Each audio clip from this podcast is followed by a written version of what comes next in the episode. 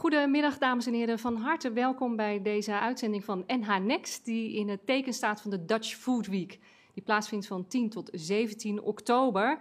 Uh, ik ben nu Monique Ooms, uw host, en ik ga in gesprek met Rien van Tilburg, Hans Boshuizen en Hans Huibers. En uh, we gaan het met elkaar hebben over het belang van innovaties en de behoefte aan breed en goed opgeleid personeel uh, voor de groensector uh, en ook op technisch gebied. Dat is super belangrijk. naast mij zit Rien van Tilburg.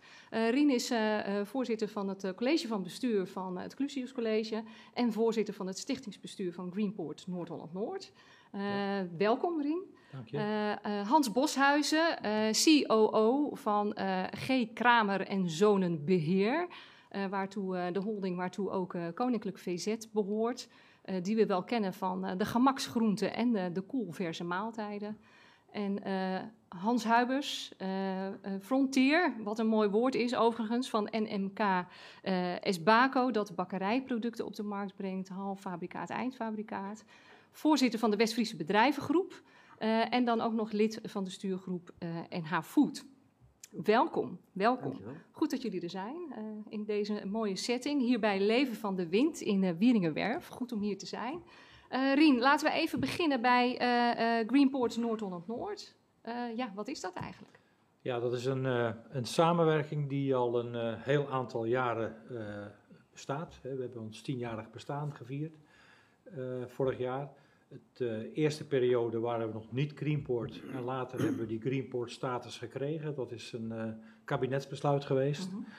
En um, Greenport is eigenlijk een samenwerking tussen het agrarisch bedrijfsleven, zowel de hele productie als in de keten, hè, dus de handel en de toeleveranciers, et cetera. De onderzoeks- en onderwijsinstellingen, overheden, uh, dus uh, die werken daarin samen. En eigenlijk om de, de agribusiness in Noord-Holland-Noord toekomstbestendig te houden, te maken en te houden. Ja, is, ja. ja precies. En uh, ja, wat is dan die meerwaarde daarvan? Wat levert dat allemaal op? Um, het levert op, ja, het kan, ik kan het misschien het beste toelichten aan de thema's die we nu in de nieuwe strategie hebben. Die is net vastgesteld. -huh. Dat zijn vier thema's die we daar uh, benoemd hebben als uh, Greenport. Dat is, eerste is imago en positionering. Wat zoveel zegt als zorgen dat je bekend bent in de regio, zorgen dat je een positie hebt. Ook zorgen dat de mensen die in de regio wonen de sector kennen. Het tweede thema is innovatie. Uh, nou, dat sluit aan bij waar we het vandaag over gaan hebben. Zorgen dat er innovaties uh, uh, zijn, dat innovaties in praktijk gebracht worden en dat producenten toegang hebben tot innovaties. De derde is een toekomstbestendige arbeidsmarkt. Dus zorgen dat er voldoende goed gekwalificeerde mensen zijn die ook in de toekomst de sector, in de sector kunnen blijven werken.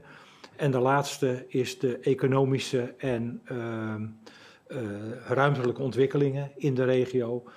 Ja, dat is, uh, we zitten hier in een gebied met heel veel windmolens. Nou, daar is heel veel discussie over. Hetzelfde geldt over, er is constant een, eigenlijk een strijd gaande tussen het uh, agrarische oppervlakte, landgebruik en dat voor allerlei andere doeleinden is, onder andere voor woningbouw. We hebben een energieopgave, klimaatopgave. Nou, al die dingen bij elkaar, dat zit in het, in het laatste thema. Ja, ja. En kun je wat voorbeelden noemen van projecten? Want er, is, er ligt hier op tafel ook een heel mooi blad. Ja. Uh, mooi magazine. Daar ja. staan ook voorbeeldprojecten ja. in. Ja, dat, dat magazine dat is uh, gemaakt omdat er net een groot uh, project afgelopen is. Dat heette Evergreen. Mhm. -huh.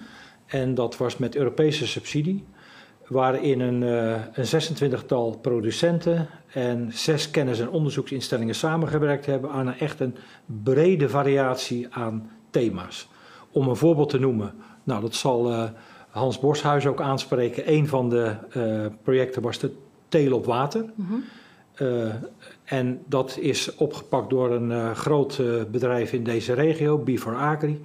En die hebben ehm, samen met uh, VZ en Albert Heijn en onderzoeksinstellingen eigenlijk gezorgd dat uh, de telen van sla op water, want daar ging het over, een hele nieuwe dimensie gekregen heeft. Okay. Dat heeft geresulteerd in een, uh, in een, een kas van drie hectare, waar nu net zoveel sla geteeld wordt als anders buiten op 100 hectare. Oké. En het grote voordeel daarvan is dat het onder helemaal gecontroleerde omstandigheden plaatsvindt. Dus qua licht, qua voeding, et cetera. En het is dus een 100% schone teelt. Oké, ja, dat is belangrijk. Ja, Ja, ja, ja. oké.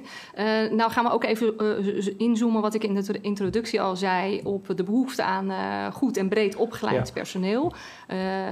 Technisch en groen voor de agri-food sector. Eh, op welke manier spelen jullie daarop in? Als onderwijs. Als onderwijs, ja. Ja, want nu spreek ik je Ja, even aan als, als andere- Rien van Tilburg van het, van het Zet ik even mijn andere pet op. Ja, ja, we proberen natuurlijk te zorgen dat er eh, voldoende instroom in het onderwijs is. En dat is lastig. ja. De, de, de groene sector, hè, want wij leiden voor een heel breed scala aan groene beroepen op. Dus niet alleen de agrarische sector, maar ook de hovenierssector. En eh, ook alles wat met eh, gezelschap dieren te maken heeft en, en noem maar op. Mhm. Ehm, we hebben heel veel kinderen in ons VMBO zitten. Die gaan voor een deel naar ons eigen MBO, maar voor een deel ook naar anderen. En we proberen eigenlijk het, ons onderwijs eh, zo in te richten dat het eh, punt 1 aantrekkelijk is voor leerlingen en studenten. VMBO noemen we leerlingen, MBO noemen we studenten, om dat te volgen. Maar ook dat ze een goed beeld krijgen van wat kun je daarna voor beroepen doen. En Ja. dat is een ongelooflijk breed scala waar kinderen vaak geen benul van hebben. Sterker nog, ook studenten die al een opleiding gekozen hebben, weten vaak niet precies wat er voor beroepen achter zitten. Want wat is het beeld wat, wat er over het algemeen bestaat van, de, van die agrosector? Nou, dat is net wie je spreekt. Eh, maar eh, dat is eh, toch heel veel onbe- onbekendheid. Ja. Het is vooral onbekendheid met hè, de bekende beelden natuurlijk dat kinderen in de stad daar niet weten waar groente en fruit en de melk vandaan komt. Nou, Mhm. dat is natuurlijk heel gechargeerd. Maar in zijn algemeenheid weten mensen niet dat agrarische bedrijven gewoon high-tech bedrijven zijn. Ja. Waar voor alles nog wat op innovatief gebi- gebied gebeurt. Ja. Waar enorm veel innovatie plaatsvindt. En als men, kinderen, jongeren dat beeld wel krijgen, dan wordt zo'n eh bedrijfstak, zo'n beroep, wordt plotseling een stuk aantrekkelijker. Ja. Omdat je ziet dat je daar ook veel meer doet dan alleen maar het op het, het fokken van dieren of het optelen van planten. Of, Ja, of op de trekkerijen. Of, eh, ja. wat overigens voor heel veel jongeren ook Superleuk aantrekkelijk is, ja. Hè, dus er zijn ook gelukkig heel veel jongeren die vanaf dat ze op school komen weten: dit ga ik doen, ik ga het bedrijf van mijn ouders overnemen. Dan wel, ik wil op zo'n trekker zitten, of ik wil in een bloemenzaak staan, of ik wil bij een eh, eh, dierenarts als assistent werken. Ja, ja, precies. Dus je, je gaat eigenlijk een hele brede doelgroep Ja, wil je zeker, aanspreken. ja. En, en meer het, het, beeld eh, van de sector in zijn geheel Ja, voor het voetlicht ja, brengen. ja. En op welke manieren doen jullie dat allemaal? Eh, door heel veel samen te werken met bedrijven. Mhm. We hebben eh, ontzettend veel stagebedrijven, zowel in het VMBO als in het MBO. In het MBO zijn dat allemaal erkende bedrijven. Eh, nou, dan maken we gebruik van eh, echt eh, zeer vele honderden bedrijven. We hebben 1500 MBO-studenten, die zitten allemaal, lopen die elk jaar stage op een bedrijf. Mhm. Ja, ook nu in die coronatijd. Ja. En dat is fantastisch. Ja, gaat het Dus, even goed door? Ja, dat is echt geweldig. We zijn een van de weinige sectoren in het MBO waar volop stagebedrijven zijn. En eh, ja, een groot compliment voor al die bedrijven die zich daarvoor inspannen. Ook al is het soms nu niet makkelijk om eh, leerlingen en studenten te ontvangen. Ja. Dus daar zijn we heel erg blij mee. Ja. Ja. Nou gaan jullie fuseren per 1 januari 2022 Ja. met het ROC. Ja, wat gaat dat opleveren? het ROC Kop van het Holland, want we hebben meer ROC's. Ja, dat gaat opleveren dat we hopelijk nog beter onderwijs kunnen bieden voor jongeren. Dus zorgen dat we de verbinding ook kunnen maken tussen de, groene opleidingen en de niet-groene opleidingen. Bijvoorbeeld op de techniek, maar ook horeca en, eh, en voeding. Wij hebben voedingopleidingen. Het ROC heeft eh eh, horecaopleidingen op dat gebied. Dus proberen die combinaties nog beter te benutten mhm. omdat die beroepen zo snel veranderen en er steeds meer beroepen komen waar dat in elkaar grijpt. Dat is één. En het tweede is ook om te zorgen dat er voldoende eh, instroom is in de arbeidsmarkt in deze regio. ja, ja. Eh, eh, beroepen waarbij dat in elkaar grijpt. Kun je Ja. daar wat voorbeelden van noemen? Want je, er wordt al gesproken over crossovers Ja, en zo. ja, nou, we hebben bijvoorbeeld nu een crossover met het Horizon College, waarbij de, de zorg en de agrarische sector op één, de, de, de zorgboerderijen, dus er zijn nogal wat agrarische bedrijven die er een nevensector naast hebben. Eén daarvan is dat ze bijvoorbeeld of kinderopvang doen, of mensen met een beperking dagbesteding geven. Nou, dat is zo'n crossover waar twee werelden bij elkaar komen. En dat doen we al. En zo kun je eigenlijk het thema water is, wordt veel genoemd. Dat is mhm. ook zo'n thema wat ontzettend belangrijk is, zeker in deze provincie. Maar ook voor de toekomst, waar je allerlei aspecten van groene opleidingen, maar ook van niet-groene opleidingen bij elkaar ziet komen. Ja. ja, want het is in het onderwijs natuurlijk zo dat je nu ook mensen aan het opleiden bent voor beroepen. Die, die er nog niet zijn. Die er nog niet nee, zijn. dat klopt. Dus hoe doe je dat dan? Nou, zorgen dat uh, leerlingen uh, en studenten ook erg dat op brede competenties gemikt wordt. Mm Dus dat ze nieuwsgierig zijn, dat ze een onderzoekende houding hebben, dat ze ook in een opleiding uh, te maken uh, hebben en ook daarin keuzes kunnen maken met een veel breder curriculum, zeg maar, ja. onderwijsinhoud, dan alleen maar dat vak waarvoor ze denken dat ze daar hun eerste tijd van hun leven in komen te werken. Ja, dus je bent veel meer bezig met die 21ste eeuwse vaardigheden, zou je kunnen ja. zeggen. En daarnaast zorgen, want dat is dan ook een, een, een belangrijk aspect van de fusie, dat die, uh, dat die jongeren ook uh, bereid zijn en in staat zijn om zich de hele leven te blijven ontwikkelen. Ja. He, dus dat leven lang ontwikkelen, wat uh, een modekreet is, maar ja. daar mikken we als ROC Kop van het Holland Inclusius College, daar werken we al tien jaar samen daar mikken we erg op om dat verder te ontwikkelen. Ja, ik begrijp het, begrijp het. Ik ga eventjes naar, uh, naar Hans Boshuizen, COO van Kramer en ja. Zonenbeheer BV. Ja. Uh, wat is jouw rol? Want jullie maken ook onderdeel uit van, dat, uh, van het Greenport Noord-Holland-Noord netwerk. Wat is jullie rol daarin? Nou, mijn rol is om de, de verwerkende industrie te vertegenwoordigen. En als, als ik het verhaal van Rien nog een keertje hoor, dat is natuurlijk een fantastisch gremium waar iedereen in vertegenwoordigd is. En uh, als je kijkt dat de twee grootste groente- en fruitverwerkers in, in Noord-Holland zitten, die 70% van de Nederlandse supermarkten bevoorraden, dan is dat een, denk ik een hele belangrijke rol. Ja, ja, want wat levert voor jullie dat netwerk dan op? Nou, het netwerk levert voor ons op dat wij aangesloten zijn met alle ontwikkelingen in de, in de regio. En uh, als je kijkt wat erin zit, er zit een hele keten in. Van zaadveredeling, teelt, verwerkende industrie, logistiek, um, het onderwijs. En, ja, het is fantastisch om daar deel van uit te, te, kunnen maken. En het levert ook op dat we dus heel snel de aanknopingspunten zien en van elkaar horen. En daar uh, dingen mee kunnen doen. Ja, want jullie hebben de VZ Academy. Ja. Kun je daar iets meer over vertellen? Ja, VZ Academy, nou, dat is een heel uh, belangrijk fenomeen geworden. Want daar hebben we zelfs uh, in 2014 de koning en de koningin voor op bezoek gehad. Mm -hmm. Dat was een, een hele happening in ja. ons bedrijf. Ja. Maar wij leiden samen met het Clusius College van Rien... Leiden, leiden wij mensen op voor mbo 1, 2 en 3. Oké. Okay. En dat wordt volledig betaald door het bedrijf. En je geeft dus mensen die eigenlijk vroeger de kans niet hebben gehad om te, om te kunnen leren of uh, het niet konden, gewoon nu spelende wijs en in het werk kunnen ze dus die diploma's halen. En okay. dat is uh, echt fantastisch. Ja? En vooral als je ziet als ze afgestudeerd zijn, dan hebben ze allemaal hun, uh, hun afstudeerhoed op. En er is één grote happening bij ons op het bedrijf, waar de hele familie op afkomt. Ja. En dat is, en in wat ja. voor richtingen dan? Wat, wat voor uh, studierichtingen kiezen ze Voedingsmiddelentechnologie. Dat is allemaal name. voedingsmiddelen? Ja, richting okay. voedingsmiddelen. Ja, dus wel aangesloten op ons bedrijf. En we merken dus dat ook uh, dat zo belangrijk is, omdat kwaliteit, dat staat ongelooflijk hoog in het vaandel. Uh, dus ook bij VZ. Ja. En ook bij de andere groentesnijders, denk ik. we moeten daar echt stappen maken en we moeten zorgen dat we goed getrainde mensen hebben. Ja. Je vraagt ook van mensen steeds meer. Hè. Vroeger hoefden ze alleen maar een kropje sla te snijden. Tegenwoordig moeten ze machines kunnen bedienen, moeten ze weten wat er gebeurt in het proces. En moeten ze toch een beetje verstand hebben van de producten die ze maken. Ja, precies. Interessant is dat die do het zijn docenten van ons die daar ja. onder andere het ja. onderwijs voor zorgen. Ja.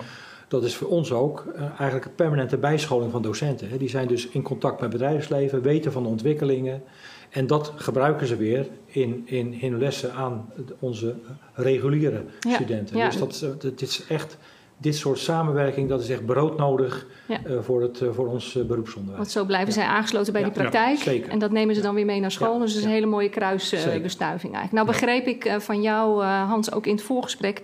jullie hebben niet alleen behoefte aan, aan die voedingstechnologie mensen... maar ook aan techneuten. Ja, techneuten is heel belangrijk. Er lopen er natuurlijk bij VZ heel wat rond. Hè. Mm -hmm.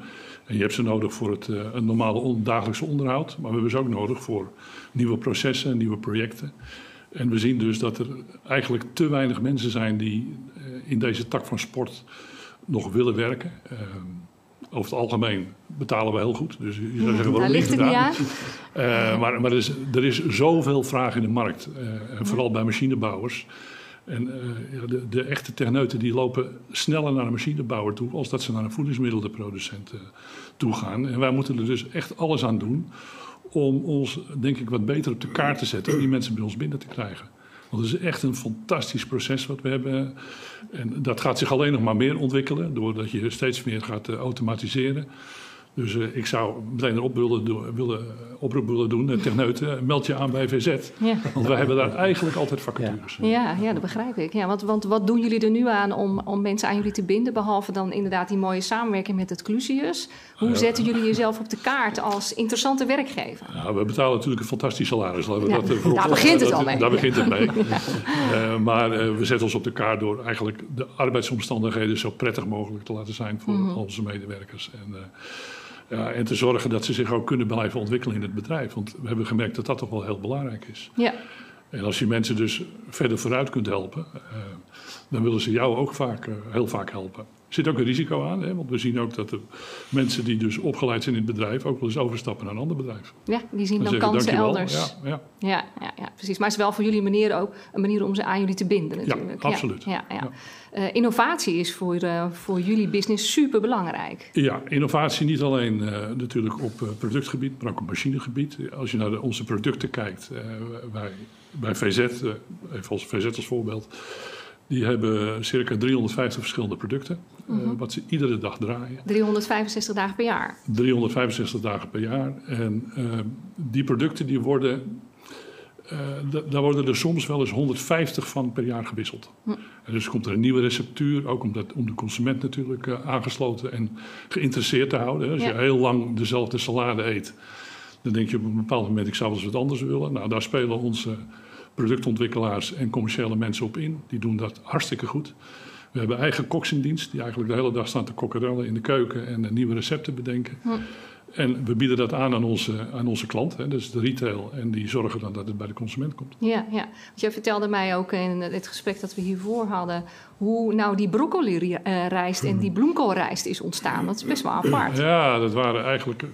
Kijk, met broccoli en bloemkool was het zo dat de, de stam van het product, dat gooiden we eigenlijk altijd weg. Dat was veevoer of dat ging naar een vergister toe.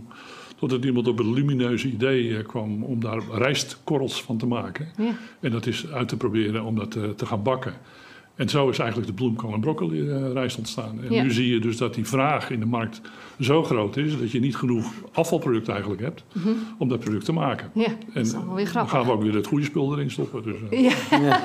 ja. precies. Maar het is in, in, een, in een economie waarin je dus heel weinig afval wilt hebben... en heel weinig restproduct is natuurlijk een fantastische ontwikkeling. Ja, ja zeker, zeker. Hans Huibers, Frontier van NMK SBACO. Frontier, wat kun je even uitleggen? Want ik had die term nog niet zo heel vaak gehoord. Nee, ik heb hem ook zelf bedacht. Ah, omdat het een, vandaar. Een, een, functie is die eigenlijk niet bestaat en toch wel heel erg aan het front staat van de onderneming. Ja. En, en vooral ook in de buitenwereld, dus in de samenwerking met bedrijven, met andere bedrijven en met uh, onderwijsinstellingen. Dus zo, zo opereer ik eigenlijk binnen en buiten het bedrijf. En wij doen heel veel dingen op innovatief uh, gebied. Ja, en schakelen heel veel onderwijsinstellingen bij in. En heel veel jonge honden, heel veel uh, jonge studenten van MBO, HBO en WO die op allerlei projecten aan de slag uh, zijn. Ja, want kun je iets meer vertellen over jullie uh, bedrijf, wat jullie doen? Want je, ja, je bent natuurlijk ook nog voorzitter van die West-Friese, West moeilijk woord, uh, bedrijvengroep ja, en, en lid van de stuurgroep NH Food. Ja. NMK's Baco is een, is een familiebedrijf ja. en is ooit begonnen in uh, het leveren van ingrediënten aan de industrie. Dus grondstoffen voor de bakkerijindustrie, spijs en jamvullingen.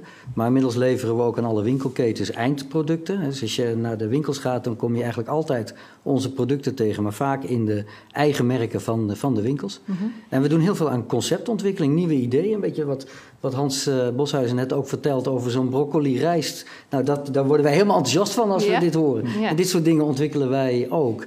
En dat doen we samen vaak met partners. Dus wij zitten helemaal in de wereld van uh, heel Holland bakt. En inmiddels doen we heel Mumbai bakt, heel Dubai bakt. Ja. Dus we zitten eigenlijk inmiddels sowieso in heel Europa, maar ook in de rest van de wereld. Ja, mooi, mooi. Uh, lid van de stuurgroep NH Food. Wat is NH Food? NH Food is een uh, samenwerkingsverband van tal van uh, innovatieve bedrijven samen met de hele keten van het onderwijs. Mhm. Dus MBO, HBO en WO. Mhm. En daarin doen we tal van samenwerkingsverbanden en die maken we heel concreet. En laat ik er drie voorbeelden van noemen. Eén, uh, we hebben het heel veel over uh, uitwisseling en samenwerking. En dan denk je aan nou, stages, um, gastdocentschappen, docenten van de, van, van, de, van de scholen die bij de, bij de bedrijven zijn. Dat sluit heel erg aan op ook het eerdere deel van dit gesprek. We doen, um, daarnaast proberen we ook heel veel met elkaar te praten over de, de, het vak van de toekomst. En dus ook wat moet er in het onderwijs Ja. voor de toekomst worden geregeld. Iets waar je net met, met Rien Ja. natuurlijk ook over sprak, wat dan in het jargon heet crossovers. Verbindingen leggen tussen diverse thematieken. Mhm. En je ziet dat al tussen agro en food en agrofood en techniek. Maar wij gaan eigenlijk nog een stapje verder. Wij zeggen je moet ook verbindingen leggen tussen food en business. En food en design en marketing en lifestyle. Ja. Want wij zitten niet alleen in de wereld als het gaat om voeding van de telers en de kwekers. Mhm. Maar we zitten ook in de foodhallen in Amsterdam en in vegan en in vegetarisch. En, en kortom, die twee werelden die komen bij elkaar en die moet je met elkaar verbinden. En dat Ja. betekent dat je dat dus ook in het onderwijs ergens zijn plek moet geven. Nou, dat, die verbinding proberen we eh, met elkaar vorm en inhoud te geven. En last but not least eh, zetten we vanuit NH Food ook heel veel innovatieve onderzoeksprojecten op. Dus tal van samenwerkingen tussen bedrijven, onderwijsinstellingen, lectoren, ehm, studenten, docenten en experts van de bedrijven. Om ehm, innovatief aan de slag te gaan op al van, tal van thema's. Ja, klinkt supergoed, maar ik wil natuurlijk voorbeelden hebben. Ja, van het laatste een, een heel bijzonder voorbeeld is dat eh, als ik vanuit ons eigen bedrijf eh, kijk. Wij werken samen met een familiebedrijf in de wereld van de uientelers. Eh uien, knoflook en eh, shallot. En dan zou je denken, wat heeft dat nou met de bakindustrie Mhm. te maken? Totdat je met elkaar gaat praten, hé, hey, wat zou je nou eens kunnen doen met restproducten die overblijven in de, in de wereld van de, van de uiproducten? Eh, en dat is nogal een grote stroom die nu wordt weggegooid. Zou je daar niet op een bijzondere manier wat mee kunnen doen? Als je dan die olie eruit haalt, als je de plantaardige eiwitten eruit haalt. En wat kan je dan bijvoorbeeld nog doen met de rest van de producten? Nou, daar zijn we nu aan het kijken. En wij hebben dat inmiddels omgedoopt tot wij gaan van een ui een appel maken. ja. En als je mij drie jaar geleden zou hebben gezegd, kan dat? Dan zei ik, nee, dat is, dat is onmogelijk. Maar inmiddels doen we het. En maken we het ook echt wer- werkelijkheid. En dat Ja. is het project Pulp Vision, toch? Dat is het project Pulp Vision. En daar zijn op dit moment eh, eh, drie hogescholen, vijf bedrijven, 10 tot 15 studenten en ook nog drie docenten in een stage op aan het werk. Ja, dat is eh, fantastisch om te zien. ja. En wat, wat doen die dan? Want die onderzoeken? Die onderzoeken, die koppelen met elkaar terug, zowel in het onderwijs, hè, zowel in het MBO als in het HBO. En dat is ook uniek. Het is een samenwerking tussen de school van, van Rien van Tilburg, Clusius, en het in Holland. Hè, dus MBO, HBO-studenten, die allebei hun eigen kennis eh, inbrengen. Daar zijn lectoren bij betrokken, doen een aantal onderzoeksprojecten. En zijn bij ons op de bedrijven om met elkaar te kijken. Nou ja, laten we dat eens gaan testen en laten we eens kijken wat we er dan mee kunnen gaan doen. Nou, daar zit er bij ons een hele eh, stuk eh, storytelling bij. Want we doen dus heel veel op heel Holland bakt-achtige dingen. Ja. Als je dat nou weer in zo'n project brengt, dan krijg je de unieke combinatie. Ja, ja, want jullie spelen eigenlijk ook in op leefstijl, zal ik maar zeggen, daarmee. Ja, lifestyle en, en, en design en marketing. Ja. Storytelling, dat is denk ik een heel belangrijk onderdeel van voeding. En willen we nieuwe studenten trekken, Mhm. dan is dat denk ik misschien ook wel een, een, een gouden greep om daar veel meer aandacht aan te besteden. Omdat alleen in de wereld van de telers en de kwekers, daar is een enorme behoefte en dat doen we volgens mij met elkaar heel goed. Mhm. Maar in die andere wereld, hè, de- ik ik noem het maar de wereld van de voethallen in Amsterdam, Ja. eh, daar is nog een wereld te winnen om studenten en jonge mensen te interesseren om te kiezen voor de voedingsmiddelenindustrie. Ja, ja, dus dat zijn die crossovers waar jij het eigenlijk ook over had, eh Rien. Ja. En waardoor je het ook allemaal wat breder trekt, de hele wereld van agri-food. Ja, Dat ja, is ook ja, het hele ja. idee eh, erachter. Ik heb ook iets eh, voorbij zien komen over FICA. Ja. Wat is dat dan? F-I-C-A? Nou, FICA is eigenlijk de ontstaansgeschiedenis van deze gedachte. Eh, eh, dat staat voor Food eh, Innovation Community Amsterdam. In een samenwerking in eerste instantie begonnen met in Holland. Maar we bouwen dat stap voor stap uit. En het woord Amsterdam gebruiken we echt niet zoveel. Zij dat als wij in het buitenland zijn. en wij, wij opereren over de hele wereld. Dan is, dan is eigenlijk, ja, dan praten we hebben het over Amsterdam. Want dan weten ze waar ze het over hebben. Maar inmiddels doet ook de Has in Den Bosch. En uh, van, alle uh, Larenstein en Leeuwarden mee. Ja. Maar dat, dat is dan allemaal een beetje Amsterdam-Noord of Amsterdam-Zuid.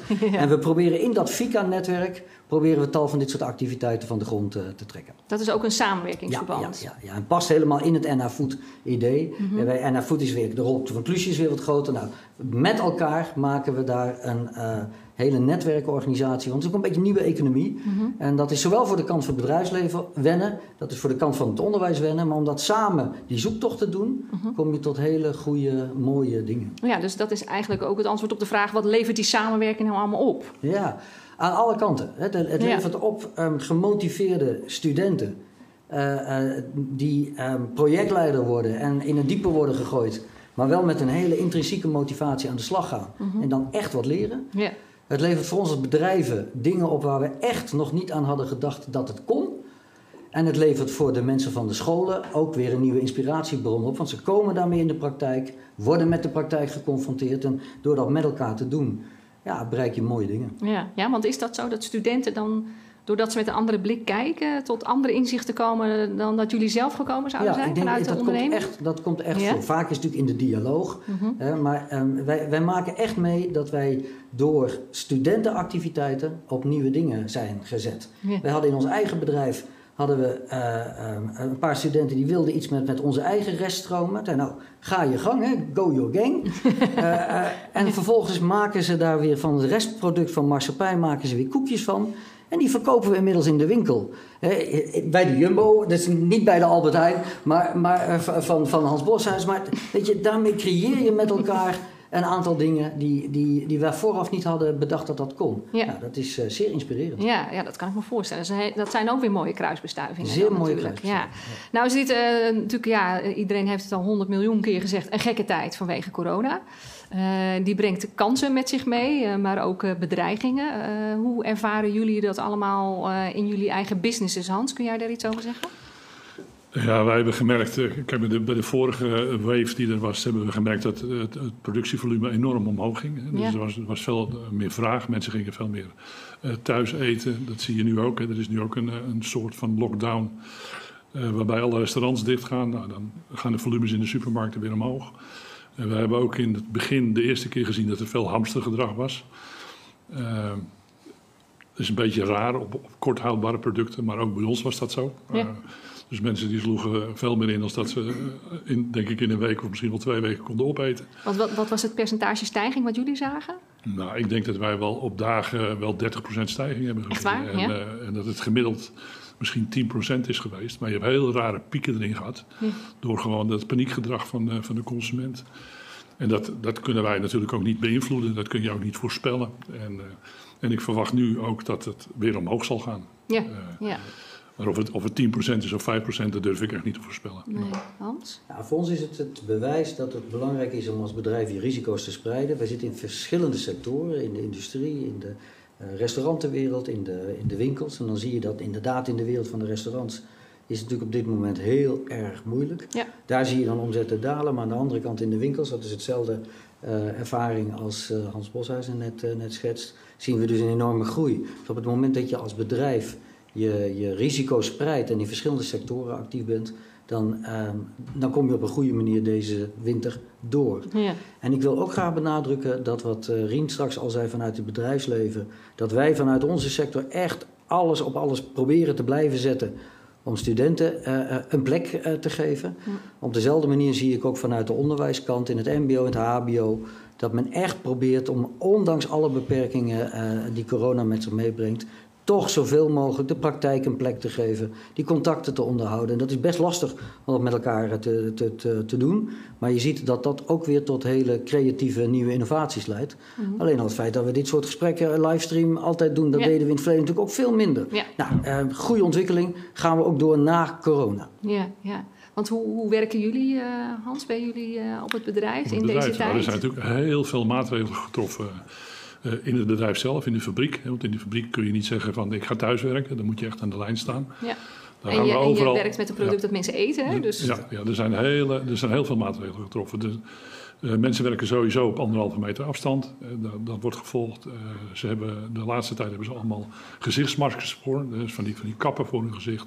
Er hangen allemaal schermen tussen de lijnen. Dus Uh, in, de, in de bedrijfsrestaurant zijn, uh, er zijn 300 stoelen weggehaald.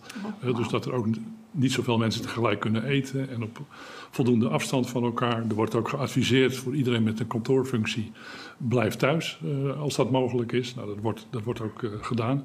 En er is sinds een paar weken hebben wij samen met een, een andere bedrijven een eigen teststraat. Dus uh, we kunnen mensen heel snel testen. Dat is uh, vanaf vorige week is het volgens mij vijf dagen per week. Wordt door de GGD wordt dat uh, gedaan. Oh. En binnen 24 uur weten we eigenlijk of iemand dan besmet is. Het aantal besmettingen valt reuze mee. het is, nu en dan is het er eentje. En eigenlijk komen ze allemaal uit de thuissituatie. Ja. En er wordt dus niemand besmet in het bedrijf. En laten we hopen dat het zo blijft. Ja, ja. want die mensen zitten dan ook meteen thuis natuurlijk. Ja, die zitten, moeten meteen naar huis. Ja, ja. Ook- Rien, even, ja, Rien, even eh, als, als eh, eh, voorzitter van de, de Green Board. Ja. Eh, heb jij een beetje een beeld van eh, wat corona voor effect heeft gehad op, op eh, de agri-food business? Nou ja, dat in, in de eerste instantie, hè, dat, eh, we kwamen hier net binnen, en Marbel, de, eigen, de eigenaar hiervan, en eh, die gaf ook aan een hele gekke tijd. Hè. Je, je bent aan de ene kant bezig met je, met je bedrijf, aan de andere kant eh, kun je de aardappelen niet meer kwijt. Dus dat hebben we gehad. Dat heeft zich denk ik allemaal behoorlijk weer hersteld. Mhm. hè. Dus de, alles rond de voeding, eh, eh, de productie van, van voeding. Ja, hoe het nu gaat worden is, is niet duidelijk. Maar ik denk, ja, iedereen moet elke dag eten. Dus het voor de, voor de, voor de productie van, van groente en fruit zal dat eh, denk ik eh, meevallen. Mhm. Eh, maar er zijn natuurlijk allerlei eh, takken van sport die gelieerd zijn aan eh, onze sector, die wel eh, allerlei problemen ervaren. Hè. De eh, grenzen dicht, eh, eh, vervoersproblemen, eh, vliegverkeer wat eh, maar mondjesmaat Ja, dus voor de export is dit ook eh, wel Hè, heel dus het is, eh, Ja. het, is, het is heel spannend. Ik denk dat dat voor ongelooflijk veel ondernemers eh, ontzettend spannend is hoe zij de komende tijd eh, door gaan komen. Ja, ja. ja. Nou zie je ook, ook vanwege corona dat, eh, dat vitaliteit en gezondheid zijn wel weer echt hele belangrijke Ja. thema's geworden. Hè? Dus het ding rond transvetten en vooral het vermijden daarvan is weer heel erg hot eh, geworden. Hoe spelen jullie daar? Het is denk ik vooral een vraag voor Hans en Hans. Ja, hoe, sorry. spelen jullie daar, eh, hoe spelen jullie daarop Ja, in bij is- VZ? kijk, eh, wij, wij zitten natuurlijk in een, in een ongelofelijke leuke tak van sport. De, de overheid die adviseert eh, iedereen 450 gram groente en fruit per dag eh, te eten, waarvan 250 gram groente. Ja. Lukt dat Eh, ook? Nee, volgens mij zitten we, het landelijk gemiddelde is zo'n beetje 50% daarvan. Dus er is, voor ons ligt er nog een wereld open. En je zou zeggen, we kunnen nog, eh, nog verdubbelen als iedereen eh, zich aan die regels of, of adviezen gaat houden. Eh, in onze productontwikkeling wordt er natuurlijk heel veel gedaan aan, aan transvetten, aan zoutreductie, aan suikerreductie. En, dat, is, dat is iets, daar wil onze klant mee, mee voorop lopen. En wij natuurlijk ook. Ja. Dus er is een, een, een proactief beleid om dat naar beneden te brengen. Het is dus ook wel eens lastig. Hè? Want als je overal de suiker en zout uit gaat halen, dan gaat de, smaak ook gaat de smaak ook een beetje Ja. weg. Ja. Dus aan onze koks en productontwikkelaars is, er- is het echt, ligt er een, een, een, ja, toch een hele zware taak om samen met de, ons toeleverende industrie te kijken naar wat zijn er voor mogelijkheden en wat kun je nog meer eh, bereiken. Maar er is een heel actief beleid om dat naar beneden te halen. Ja, ja, daar ligt ook eigenlijk wel een verantwoordelijkheid. Daar ligt ook een eh, verantwoordelijkheid. Voor jullie, ja. Hans, Ja, bij ik jullie? herken heel veel wat Hans zegt. En kijk, wij zitten in de wereld van de bakkerijproducten. De suiker is een, eh, is een belangrijk ding. En ook daar merken we dus dat we gaan zoeken naar alternatieven en mogelijkheden om dat te veranderen. En ook meer te zoeken naar producten met fruiten, met groenten. En eh, dat, daar zit een enorme toekomst eh, in. En ook daar zie je dat zo'n samenwerking met het onderwijsveld en het bedrijfsleven, dat je van twee kanten daarvan leert. Ik zal je één voorbeeld noemen. De Wageningen Universiteit is bezig met het ontwikkelen van een heel nieuw domein wat heet snackification. Meer snacks. We eten niet meer vast op vaste tijden drie keer per dag, maar we snacken de hele dag door. Nou, dan kunnen we met elkaar natuurlijk zeggen, hoe gaan we dat doen? Gaan we dan zout en zoet eh, snacken? Of gaan we kijken of we daar ook gezonde producten in kunnen brengen? Dus groente en fruit met snacks. Eh, S S'avonds laat iets met thee en snacks. Hè. Er zijn allerlei verbindingen eh, mogelijk. En op het moment dat je daar weer in de innovatie zoekt naar toepassingsmogelijkheden, dan eh, genereer je echt een hele nieuwe productassortiment. Nou, dat is een van die thema's die in NA Food en Envica dus, dus aan de orde wordt gesteld. En dat doen we samen met mensen vanuit het onderwijsveld. Super, Ja. superleuk. Nou, wat, wat nog interessant is aan het project Evergreen, wat ik eh, in het begin noemde, daar was een van de eh, innovatieobjecten gericht op inhoudstoffen. Hè, dus er, we- er zijn ongelooflijk veel planten eh, waar we eigenlijk de, de, nog onvoldoende gebruik maken van inhoudstoffen. Dus laten we zeggen, wat in, natuurlijk in heel veel culturen in, in de wereld eh, gebruikelijk is, dat er stoffen in planten zitten die eh, gebruikt kunnen worden. Nou, een van die eh, onderzoeksobjecten was samen met de horters in Alkmaar en, dat, en een aantal onderzoeksinstellingen. En dat ging over rode peper. In hoeverre inhoudsstoffen, eh, dus bestanddelen van die rode peper, kunnen helpen om obesitas te voorkomen. Oh. Nou, dat werd onderzocht eh, aan de hand van aaltjes, dus hele kleine, de nematoden in het eh, vakjargon. En die hebben een vergelijkbare stofwisseling als de mens. Dus daar wordt dat dan onderzocht. Ja, dat betekent dat dat nog niet allemaal direct leidt tot toepassingen voor de consument. Maar dat zijn wel onderzoeken die dus met gebruikmakend van inhoudstoffen van planten eh, in de toekomst een, een bijdrage kunnen leveren aan het welzijn en de gezondheid van mensen. Ja, interessant. Ja. Ja. Ja, ja, ja. dat is, maakt het volgens mij, dit soort thema's ehm, eh, maken het ook mogelijk om jong talent, denk ik, aan te trekken Ja. naar die agri-food Absoluut, sector. absoluut. Dat is, dit, dit zijn thema's die veel jonge mensen aanspreken. Ja. Hè, dus die verbinding van gezondheid en, en lifestyle met onze sector in de volle breedte. Ik denk dat dat eh, thema's zijn waar jonge mensen graag in, in, in willen werken. En die gelukkig ook steeds meer in beeld komen. Ja, ja. Ja. en nou nog dat verhaal goed voor het voetlicht krijgen bij die Zeker. jonge Ja, mensen. zeker. want, absoluut. want ze zijn ook nog niet eenvoudig te bereiken misschien. Nee, nee. Ehm, maar je ziet ook, hè, kijk, dat geldt voor onze eigen VMBO-scholen, maar dat zie je op heel veel scholen van voortgezet onderwijs, waar gezond eten en eh, eh, een, een gezonde kantine, waar leerlingen zelf een bijdrage aan leveren, waar ook allerlei eh, oorkondes en schalen van het voedingscentrum aan verbonden worden. Je ziet dat dat opgang maakt, Mhm. waardoor jongeren al heel in, eigenlijk in hun, in, van hun twaalfde af en soms ook al op basisscholen in contact gebracht worden, worden met gezond eten. En, en zij nemen dat weer mee naar de thuissituatie. Dat merken wij heel erg. Hè? Dat, dat dingen die ze op school leren ook in de thuissituatie uitgeprobeerd worden. En dan krijg je wel de olievlekwerking die je graag wilt hebben. Ja, en al jong beginnen, denk ik. En heel, Want hoe jonger beginnen, hoe beter. Juist die kinderen in de basisschool Ja. zijn daar nog Ja. wel heel ontvankelijk voor. Als ze eenmaal naar de middelbare school gaan, dan wordt het al een beetje lastiger. Dan eh, hebben we meestal andere focus. Maar eh, als je Een, ze een daarop van de projecten bereiken- van eh, Greenport Noord-Noord is ook de Rabo AZ Food Tour. Mhm. Waar Greenport een rol bij speelt. Waarbij voetbalvereniging AZ met de spelers eh ondersteunt dat de Rabobank eh, projecten doet met basisscholen op het gebied van gezonde voeding en leefstijl.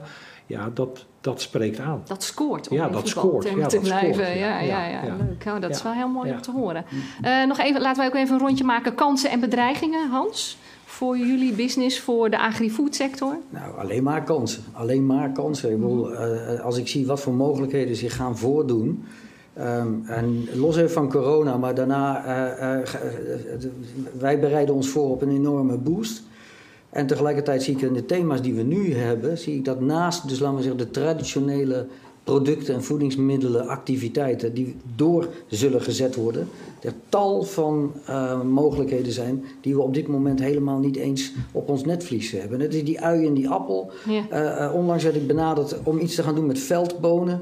Ik denk, wat moet ik met veldbonen? Nou, het zou wel eens heel interessant kunnen zijn, want we gebruiken nu sojabonen die van ver weg komen. Kortom, zo zijn er tal van mogelijkheden. Dus ik zie eigenlijk alleen maar kansen en uitdagingen. Ja, eh, in dat verband denk ik ook meteen aan Rina, wat jij zei. eh, dat het belangrijk is dat, dat studenten en leerlingen die nieuwsgierigheid ontwikkelen. Zeker. eh, zeker. en steeds zich afvragen van, goh, hoe zit dat? En zou het ook anders kunnen? Ja. Een beetje kritisch denken ook. Ja. En de kunst is natuurlijk hoe je van bedreigingen kansen maakt. Precies. En als je nu kijkt naar de, naar de agrarische sector. Ja, eh, denk aan, eh, aan veehouderijbedrijven met de hele stikstofuitstoot. Dat is een serieuze, Ja. eh, echt een serieuze bedreiging voor het voortbestaan van heel veel bedrijven. Nou, om nou met elkaar na te denken hoe kun je daar van dat soort bedreigingen nou kansen maken. Ja, dat is denk ik een enorme uitdaging. Ook al om een beetje lol in het werk te houden als ondernemer. Precies, Want ja. je, je zal op dit moment maar uh, ondernemer zijn in, in een sector die zo zwaar onder vuur ligt. Nou ja, we hebben allemaal de, de protesten gezien in, voor de zomer. Ja.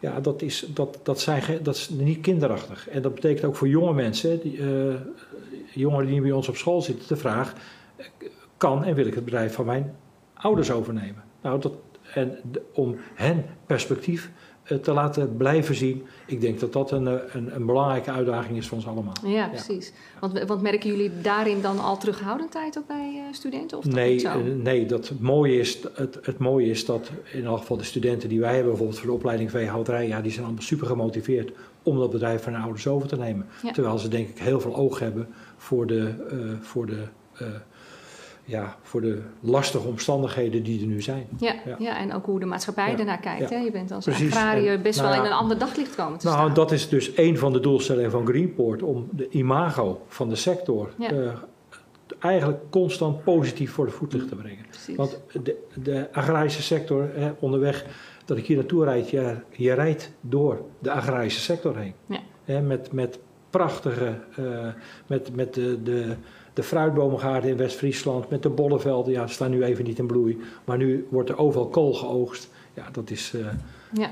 dat is eigenlijk het kenmerk voor Noord-Holland. Precies, Ik, denk dat, ik denk dat een belangrijke uitdaging is om, om een verbinding te leggen tussen, laten we zeggen, die traditionele wereld van de voeding, waar, waar hij nu ook op doelt, en de, laten we zeggen, de hele nieuwe wereld van voeding en, en, en, en lifestyle en uh, uh, nou, de wereld van de voedhal. Als je die twee bij elkaar weet te brengen, en ze zijn allebei heel belangrijk. Want ook die teler blijft heel belangrijk om uiteindelijk ook een gezond product en een nieuw product op de markt te brengen. En andersom zul je vanuit die trendwereld ook verbindingen met die traditionele wereld moeten leggen. Als je dat met elkaar goed doet, dan denk ik dat de sector gewoon heel veel toekomst heeft. Ja, mooi, mooi. Hans? Nou ja, ik, ik, zal, ik, zal, beginnen met de bedreiging. bedreiging hè, want uh, tot corona hadden we een serieuze bedreiging in, in het vinden van goed personeel.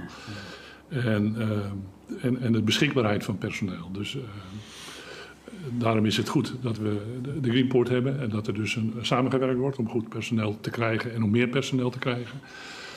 Ondertussen zien we ook een kans daarin. Hè. Dus we, we gaan processen gaan we verder gaan automatiseren. We gaan de handarbeid gaan we dus zoveel mogelijk uithalen en verder automatiseren.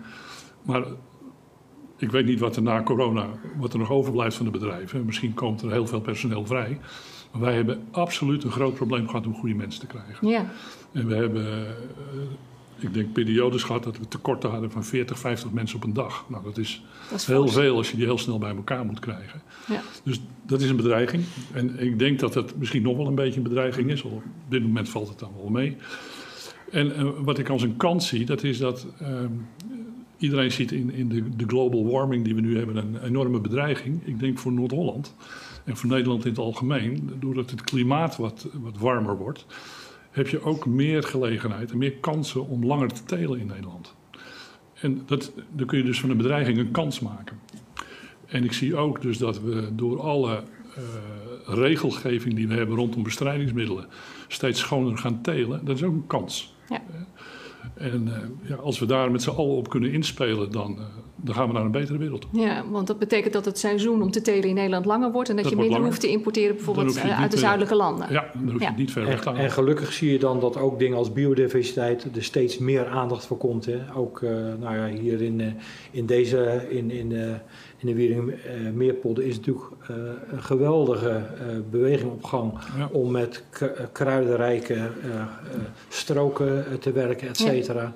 Gewoon om, want dat is denk ik ook een belangrijk punt. Hè? Dat we dus ook de, de, de effecten op de lange termijn rond biodiversiteit uh, goed in de gaten houden. Om daar uh, uh, op in te spelen. Waarmee het ook het draagvlak maatschappelijk weer een stuk vergroot. Ja, ja. Dus dan wordt dat ook weer een kans eigenlijk. Dat, dat, dat is een kans. Dat is absoluut een kans. Ja, ja, mooi, mooi. Ja, en wat Hans aangaf over het tekort aan personeel. Ja, we gaan natuurlijk een een periode krijgen dat heel veel jongeren die nu in het MBO opgeleid wordt, denk aan de hele evenementensector, denk aan de horecasector, ja, die gaan heel lastig een baan vinden. En om, uh, daar zitten dus mogelijkheden voor degenen die dat willen, om dan in een sector aan het werk te gaan waar wel veel banenmogelijkheden zijn. En dan kun je middels een, een scholing en daar klaar voor maken. Ja, ja. En wat is er nou leuker om mee te kunnen werken aan gezonde voeding? Zo is het. Precies. Wie wil dat nou niet? wie wil dat nou niet? Goed, heren, heel erg bedankt. We hebben nog één minuut, dus we gaan zo'n beetje afronden. Dank jullie wel voor jullie input en voor de mooie inzichten die hier op tafel allemaal gekomen zijn. dames en heren, dit was deze uitzending van NH Next over de Dutch Food Week. Volgende week is er weer een NH Next. Uh, dinsdag 20 oktober om 1 uur. In samenwerking met de West-Friese Bedrijvengroep. En uh, dan gaat het over kansen in coronatijd. En hoe verandert de markt als gevolg daarvan? Nou, weer genoeg uh, voer tot praten. Dank u wel voor het kijken. Ik wens u nog verder een fijne dag en graag tot de volgende keer.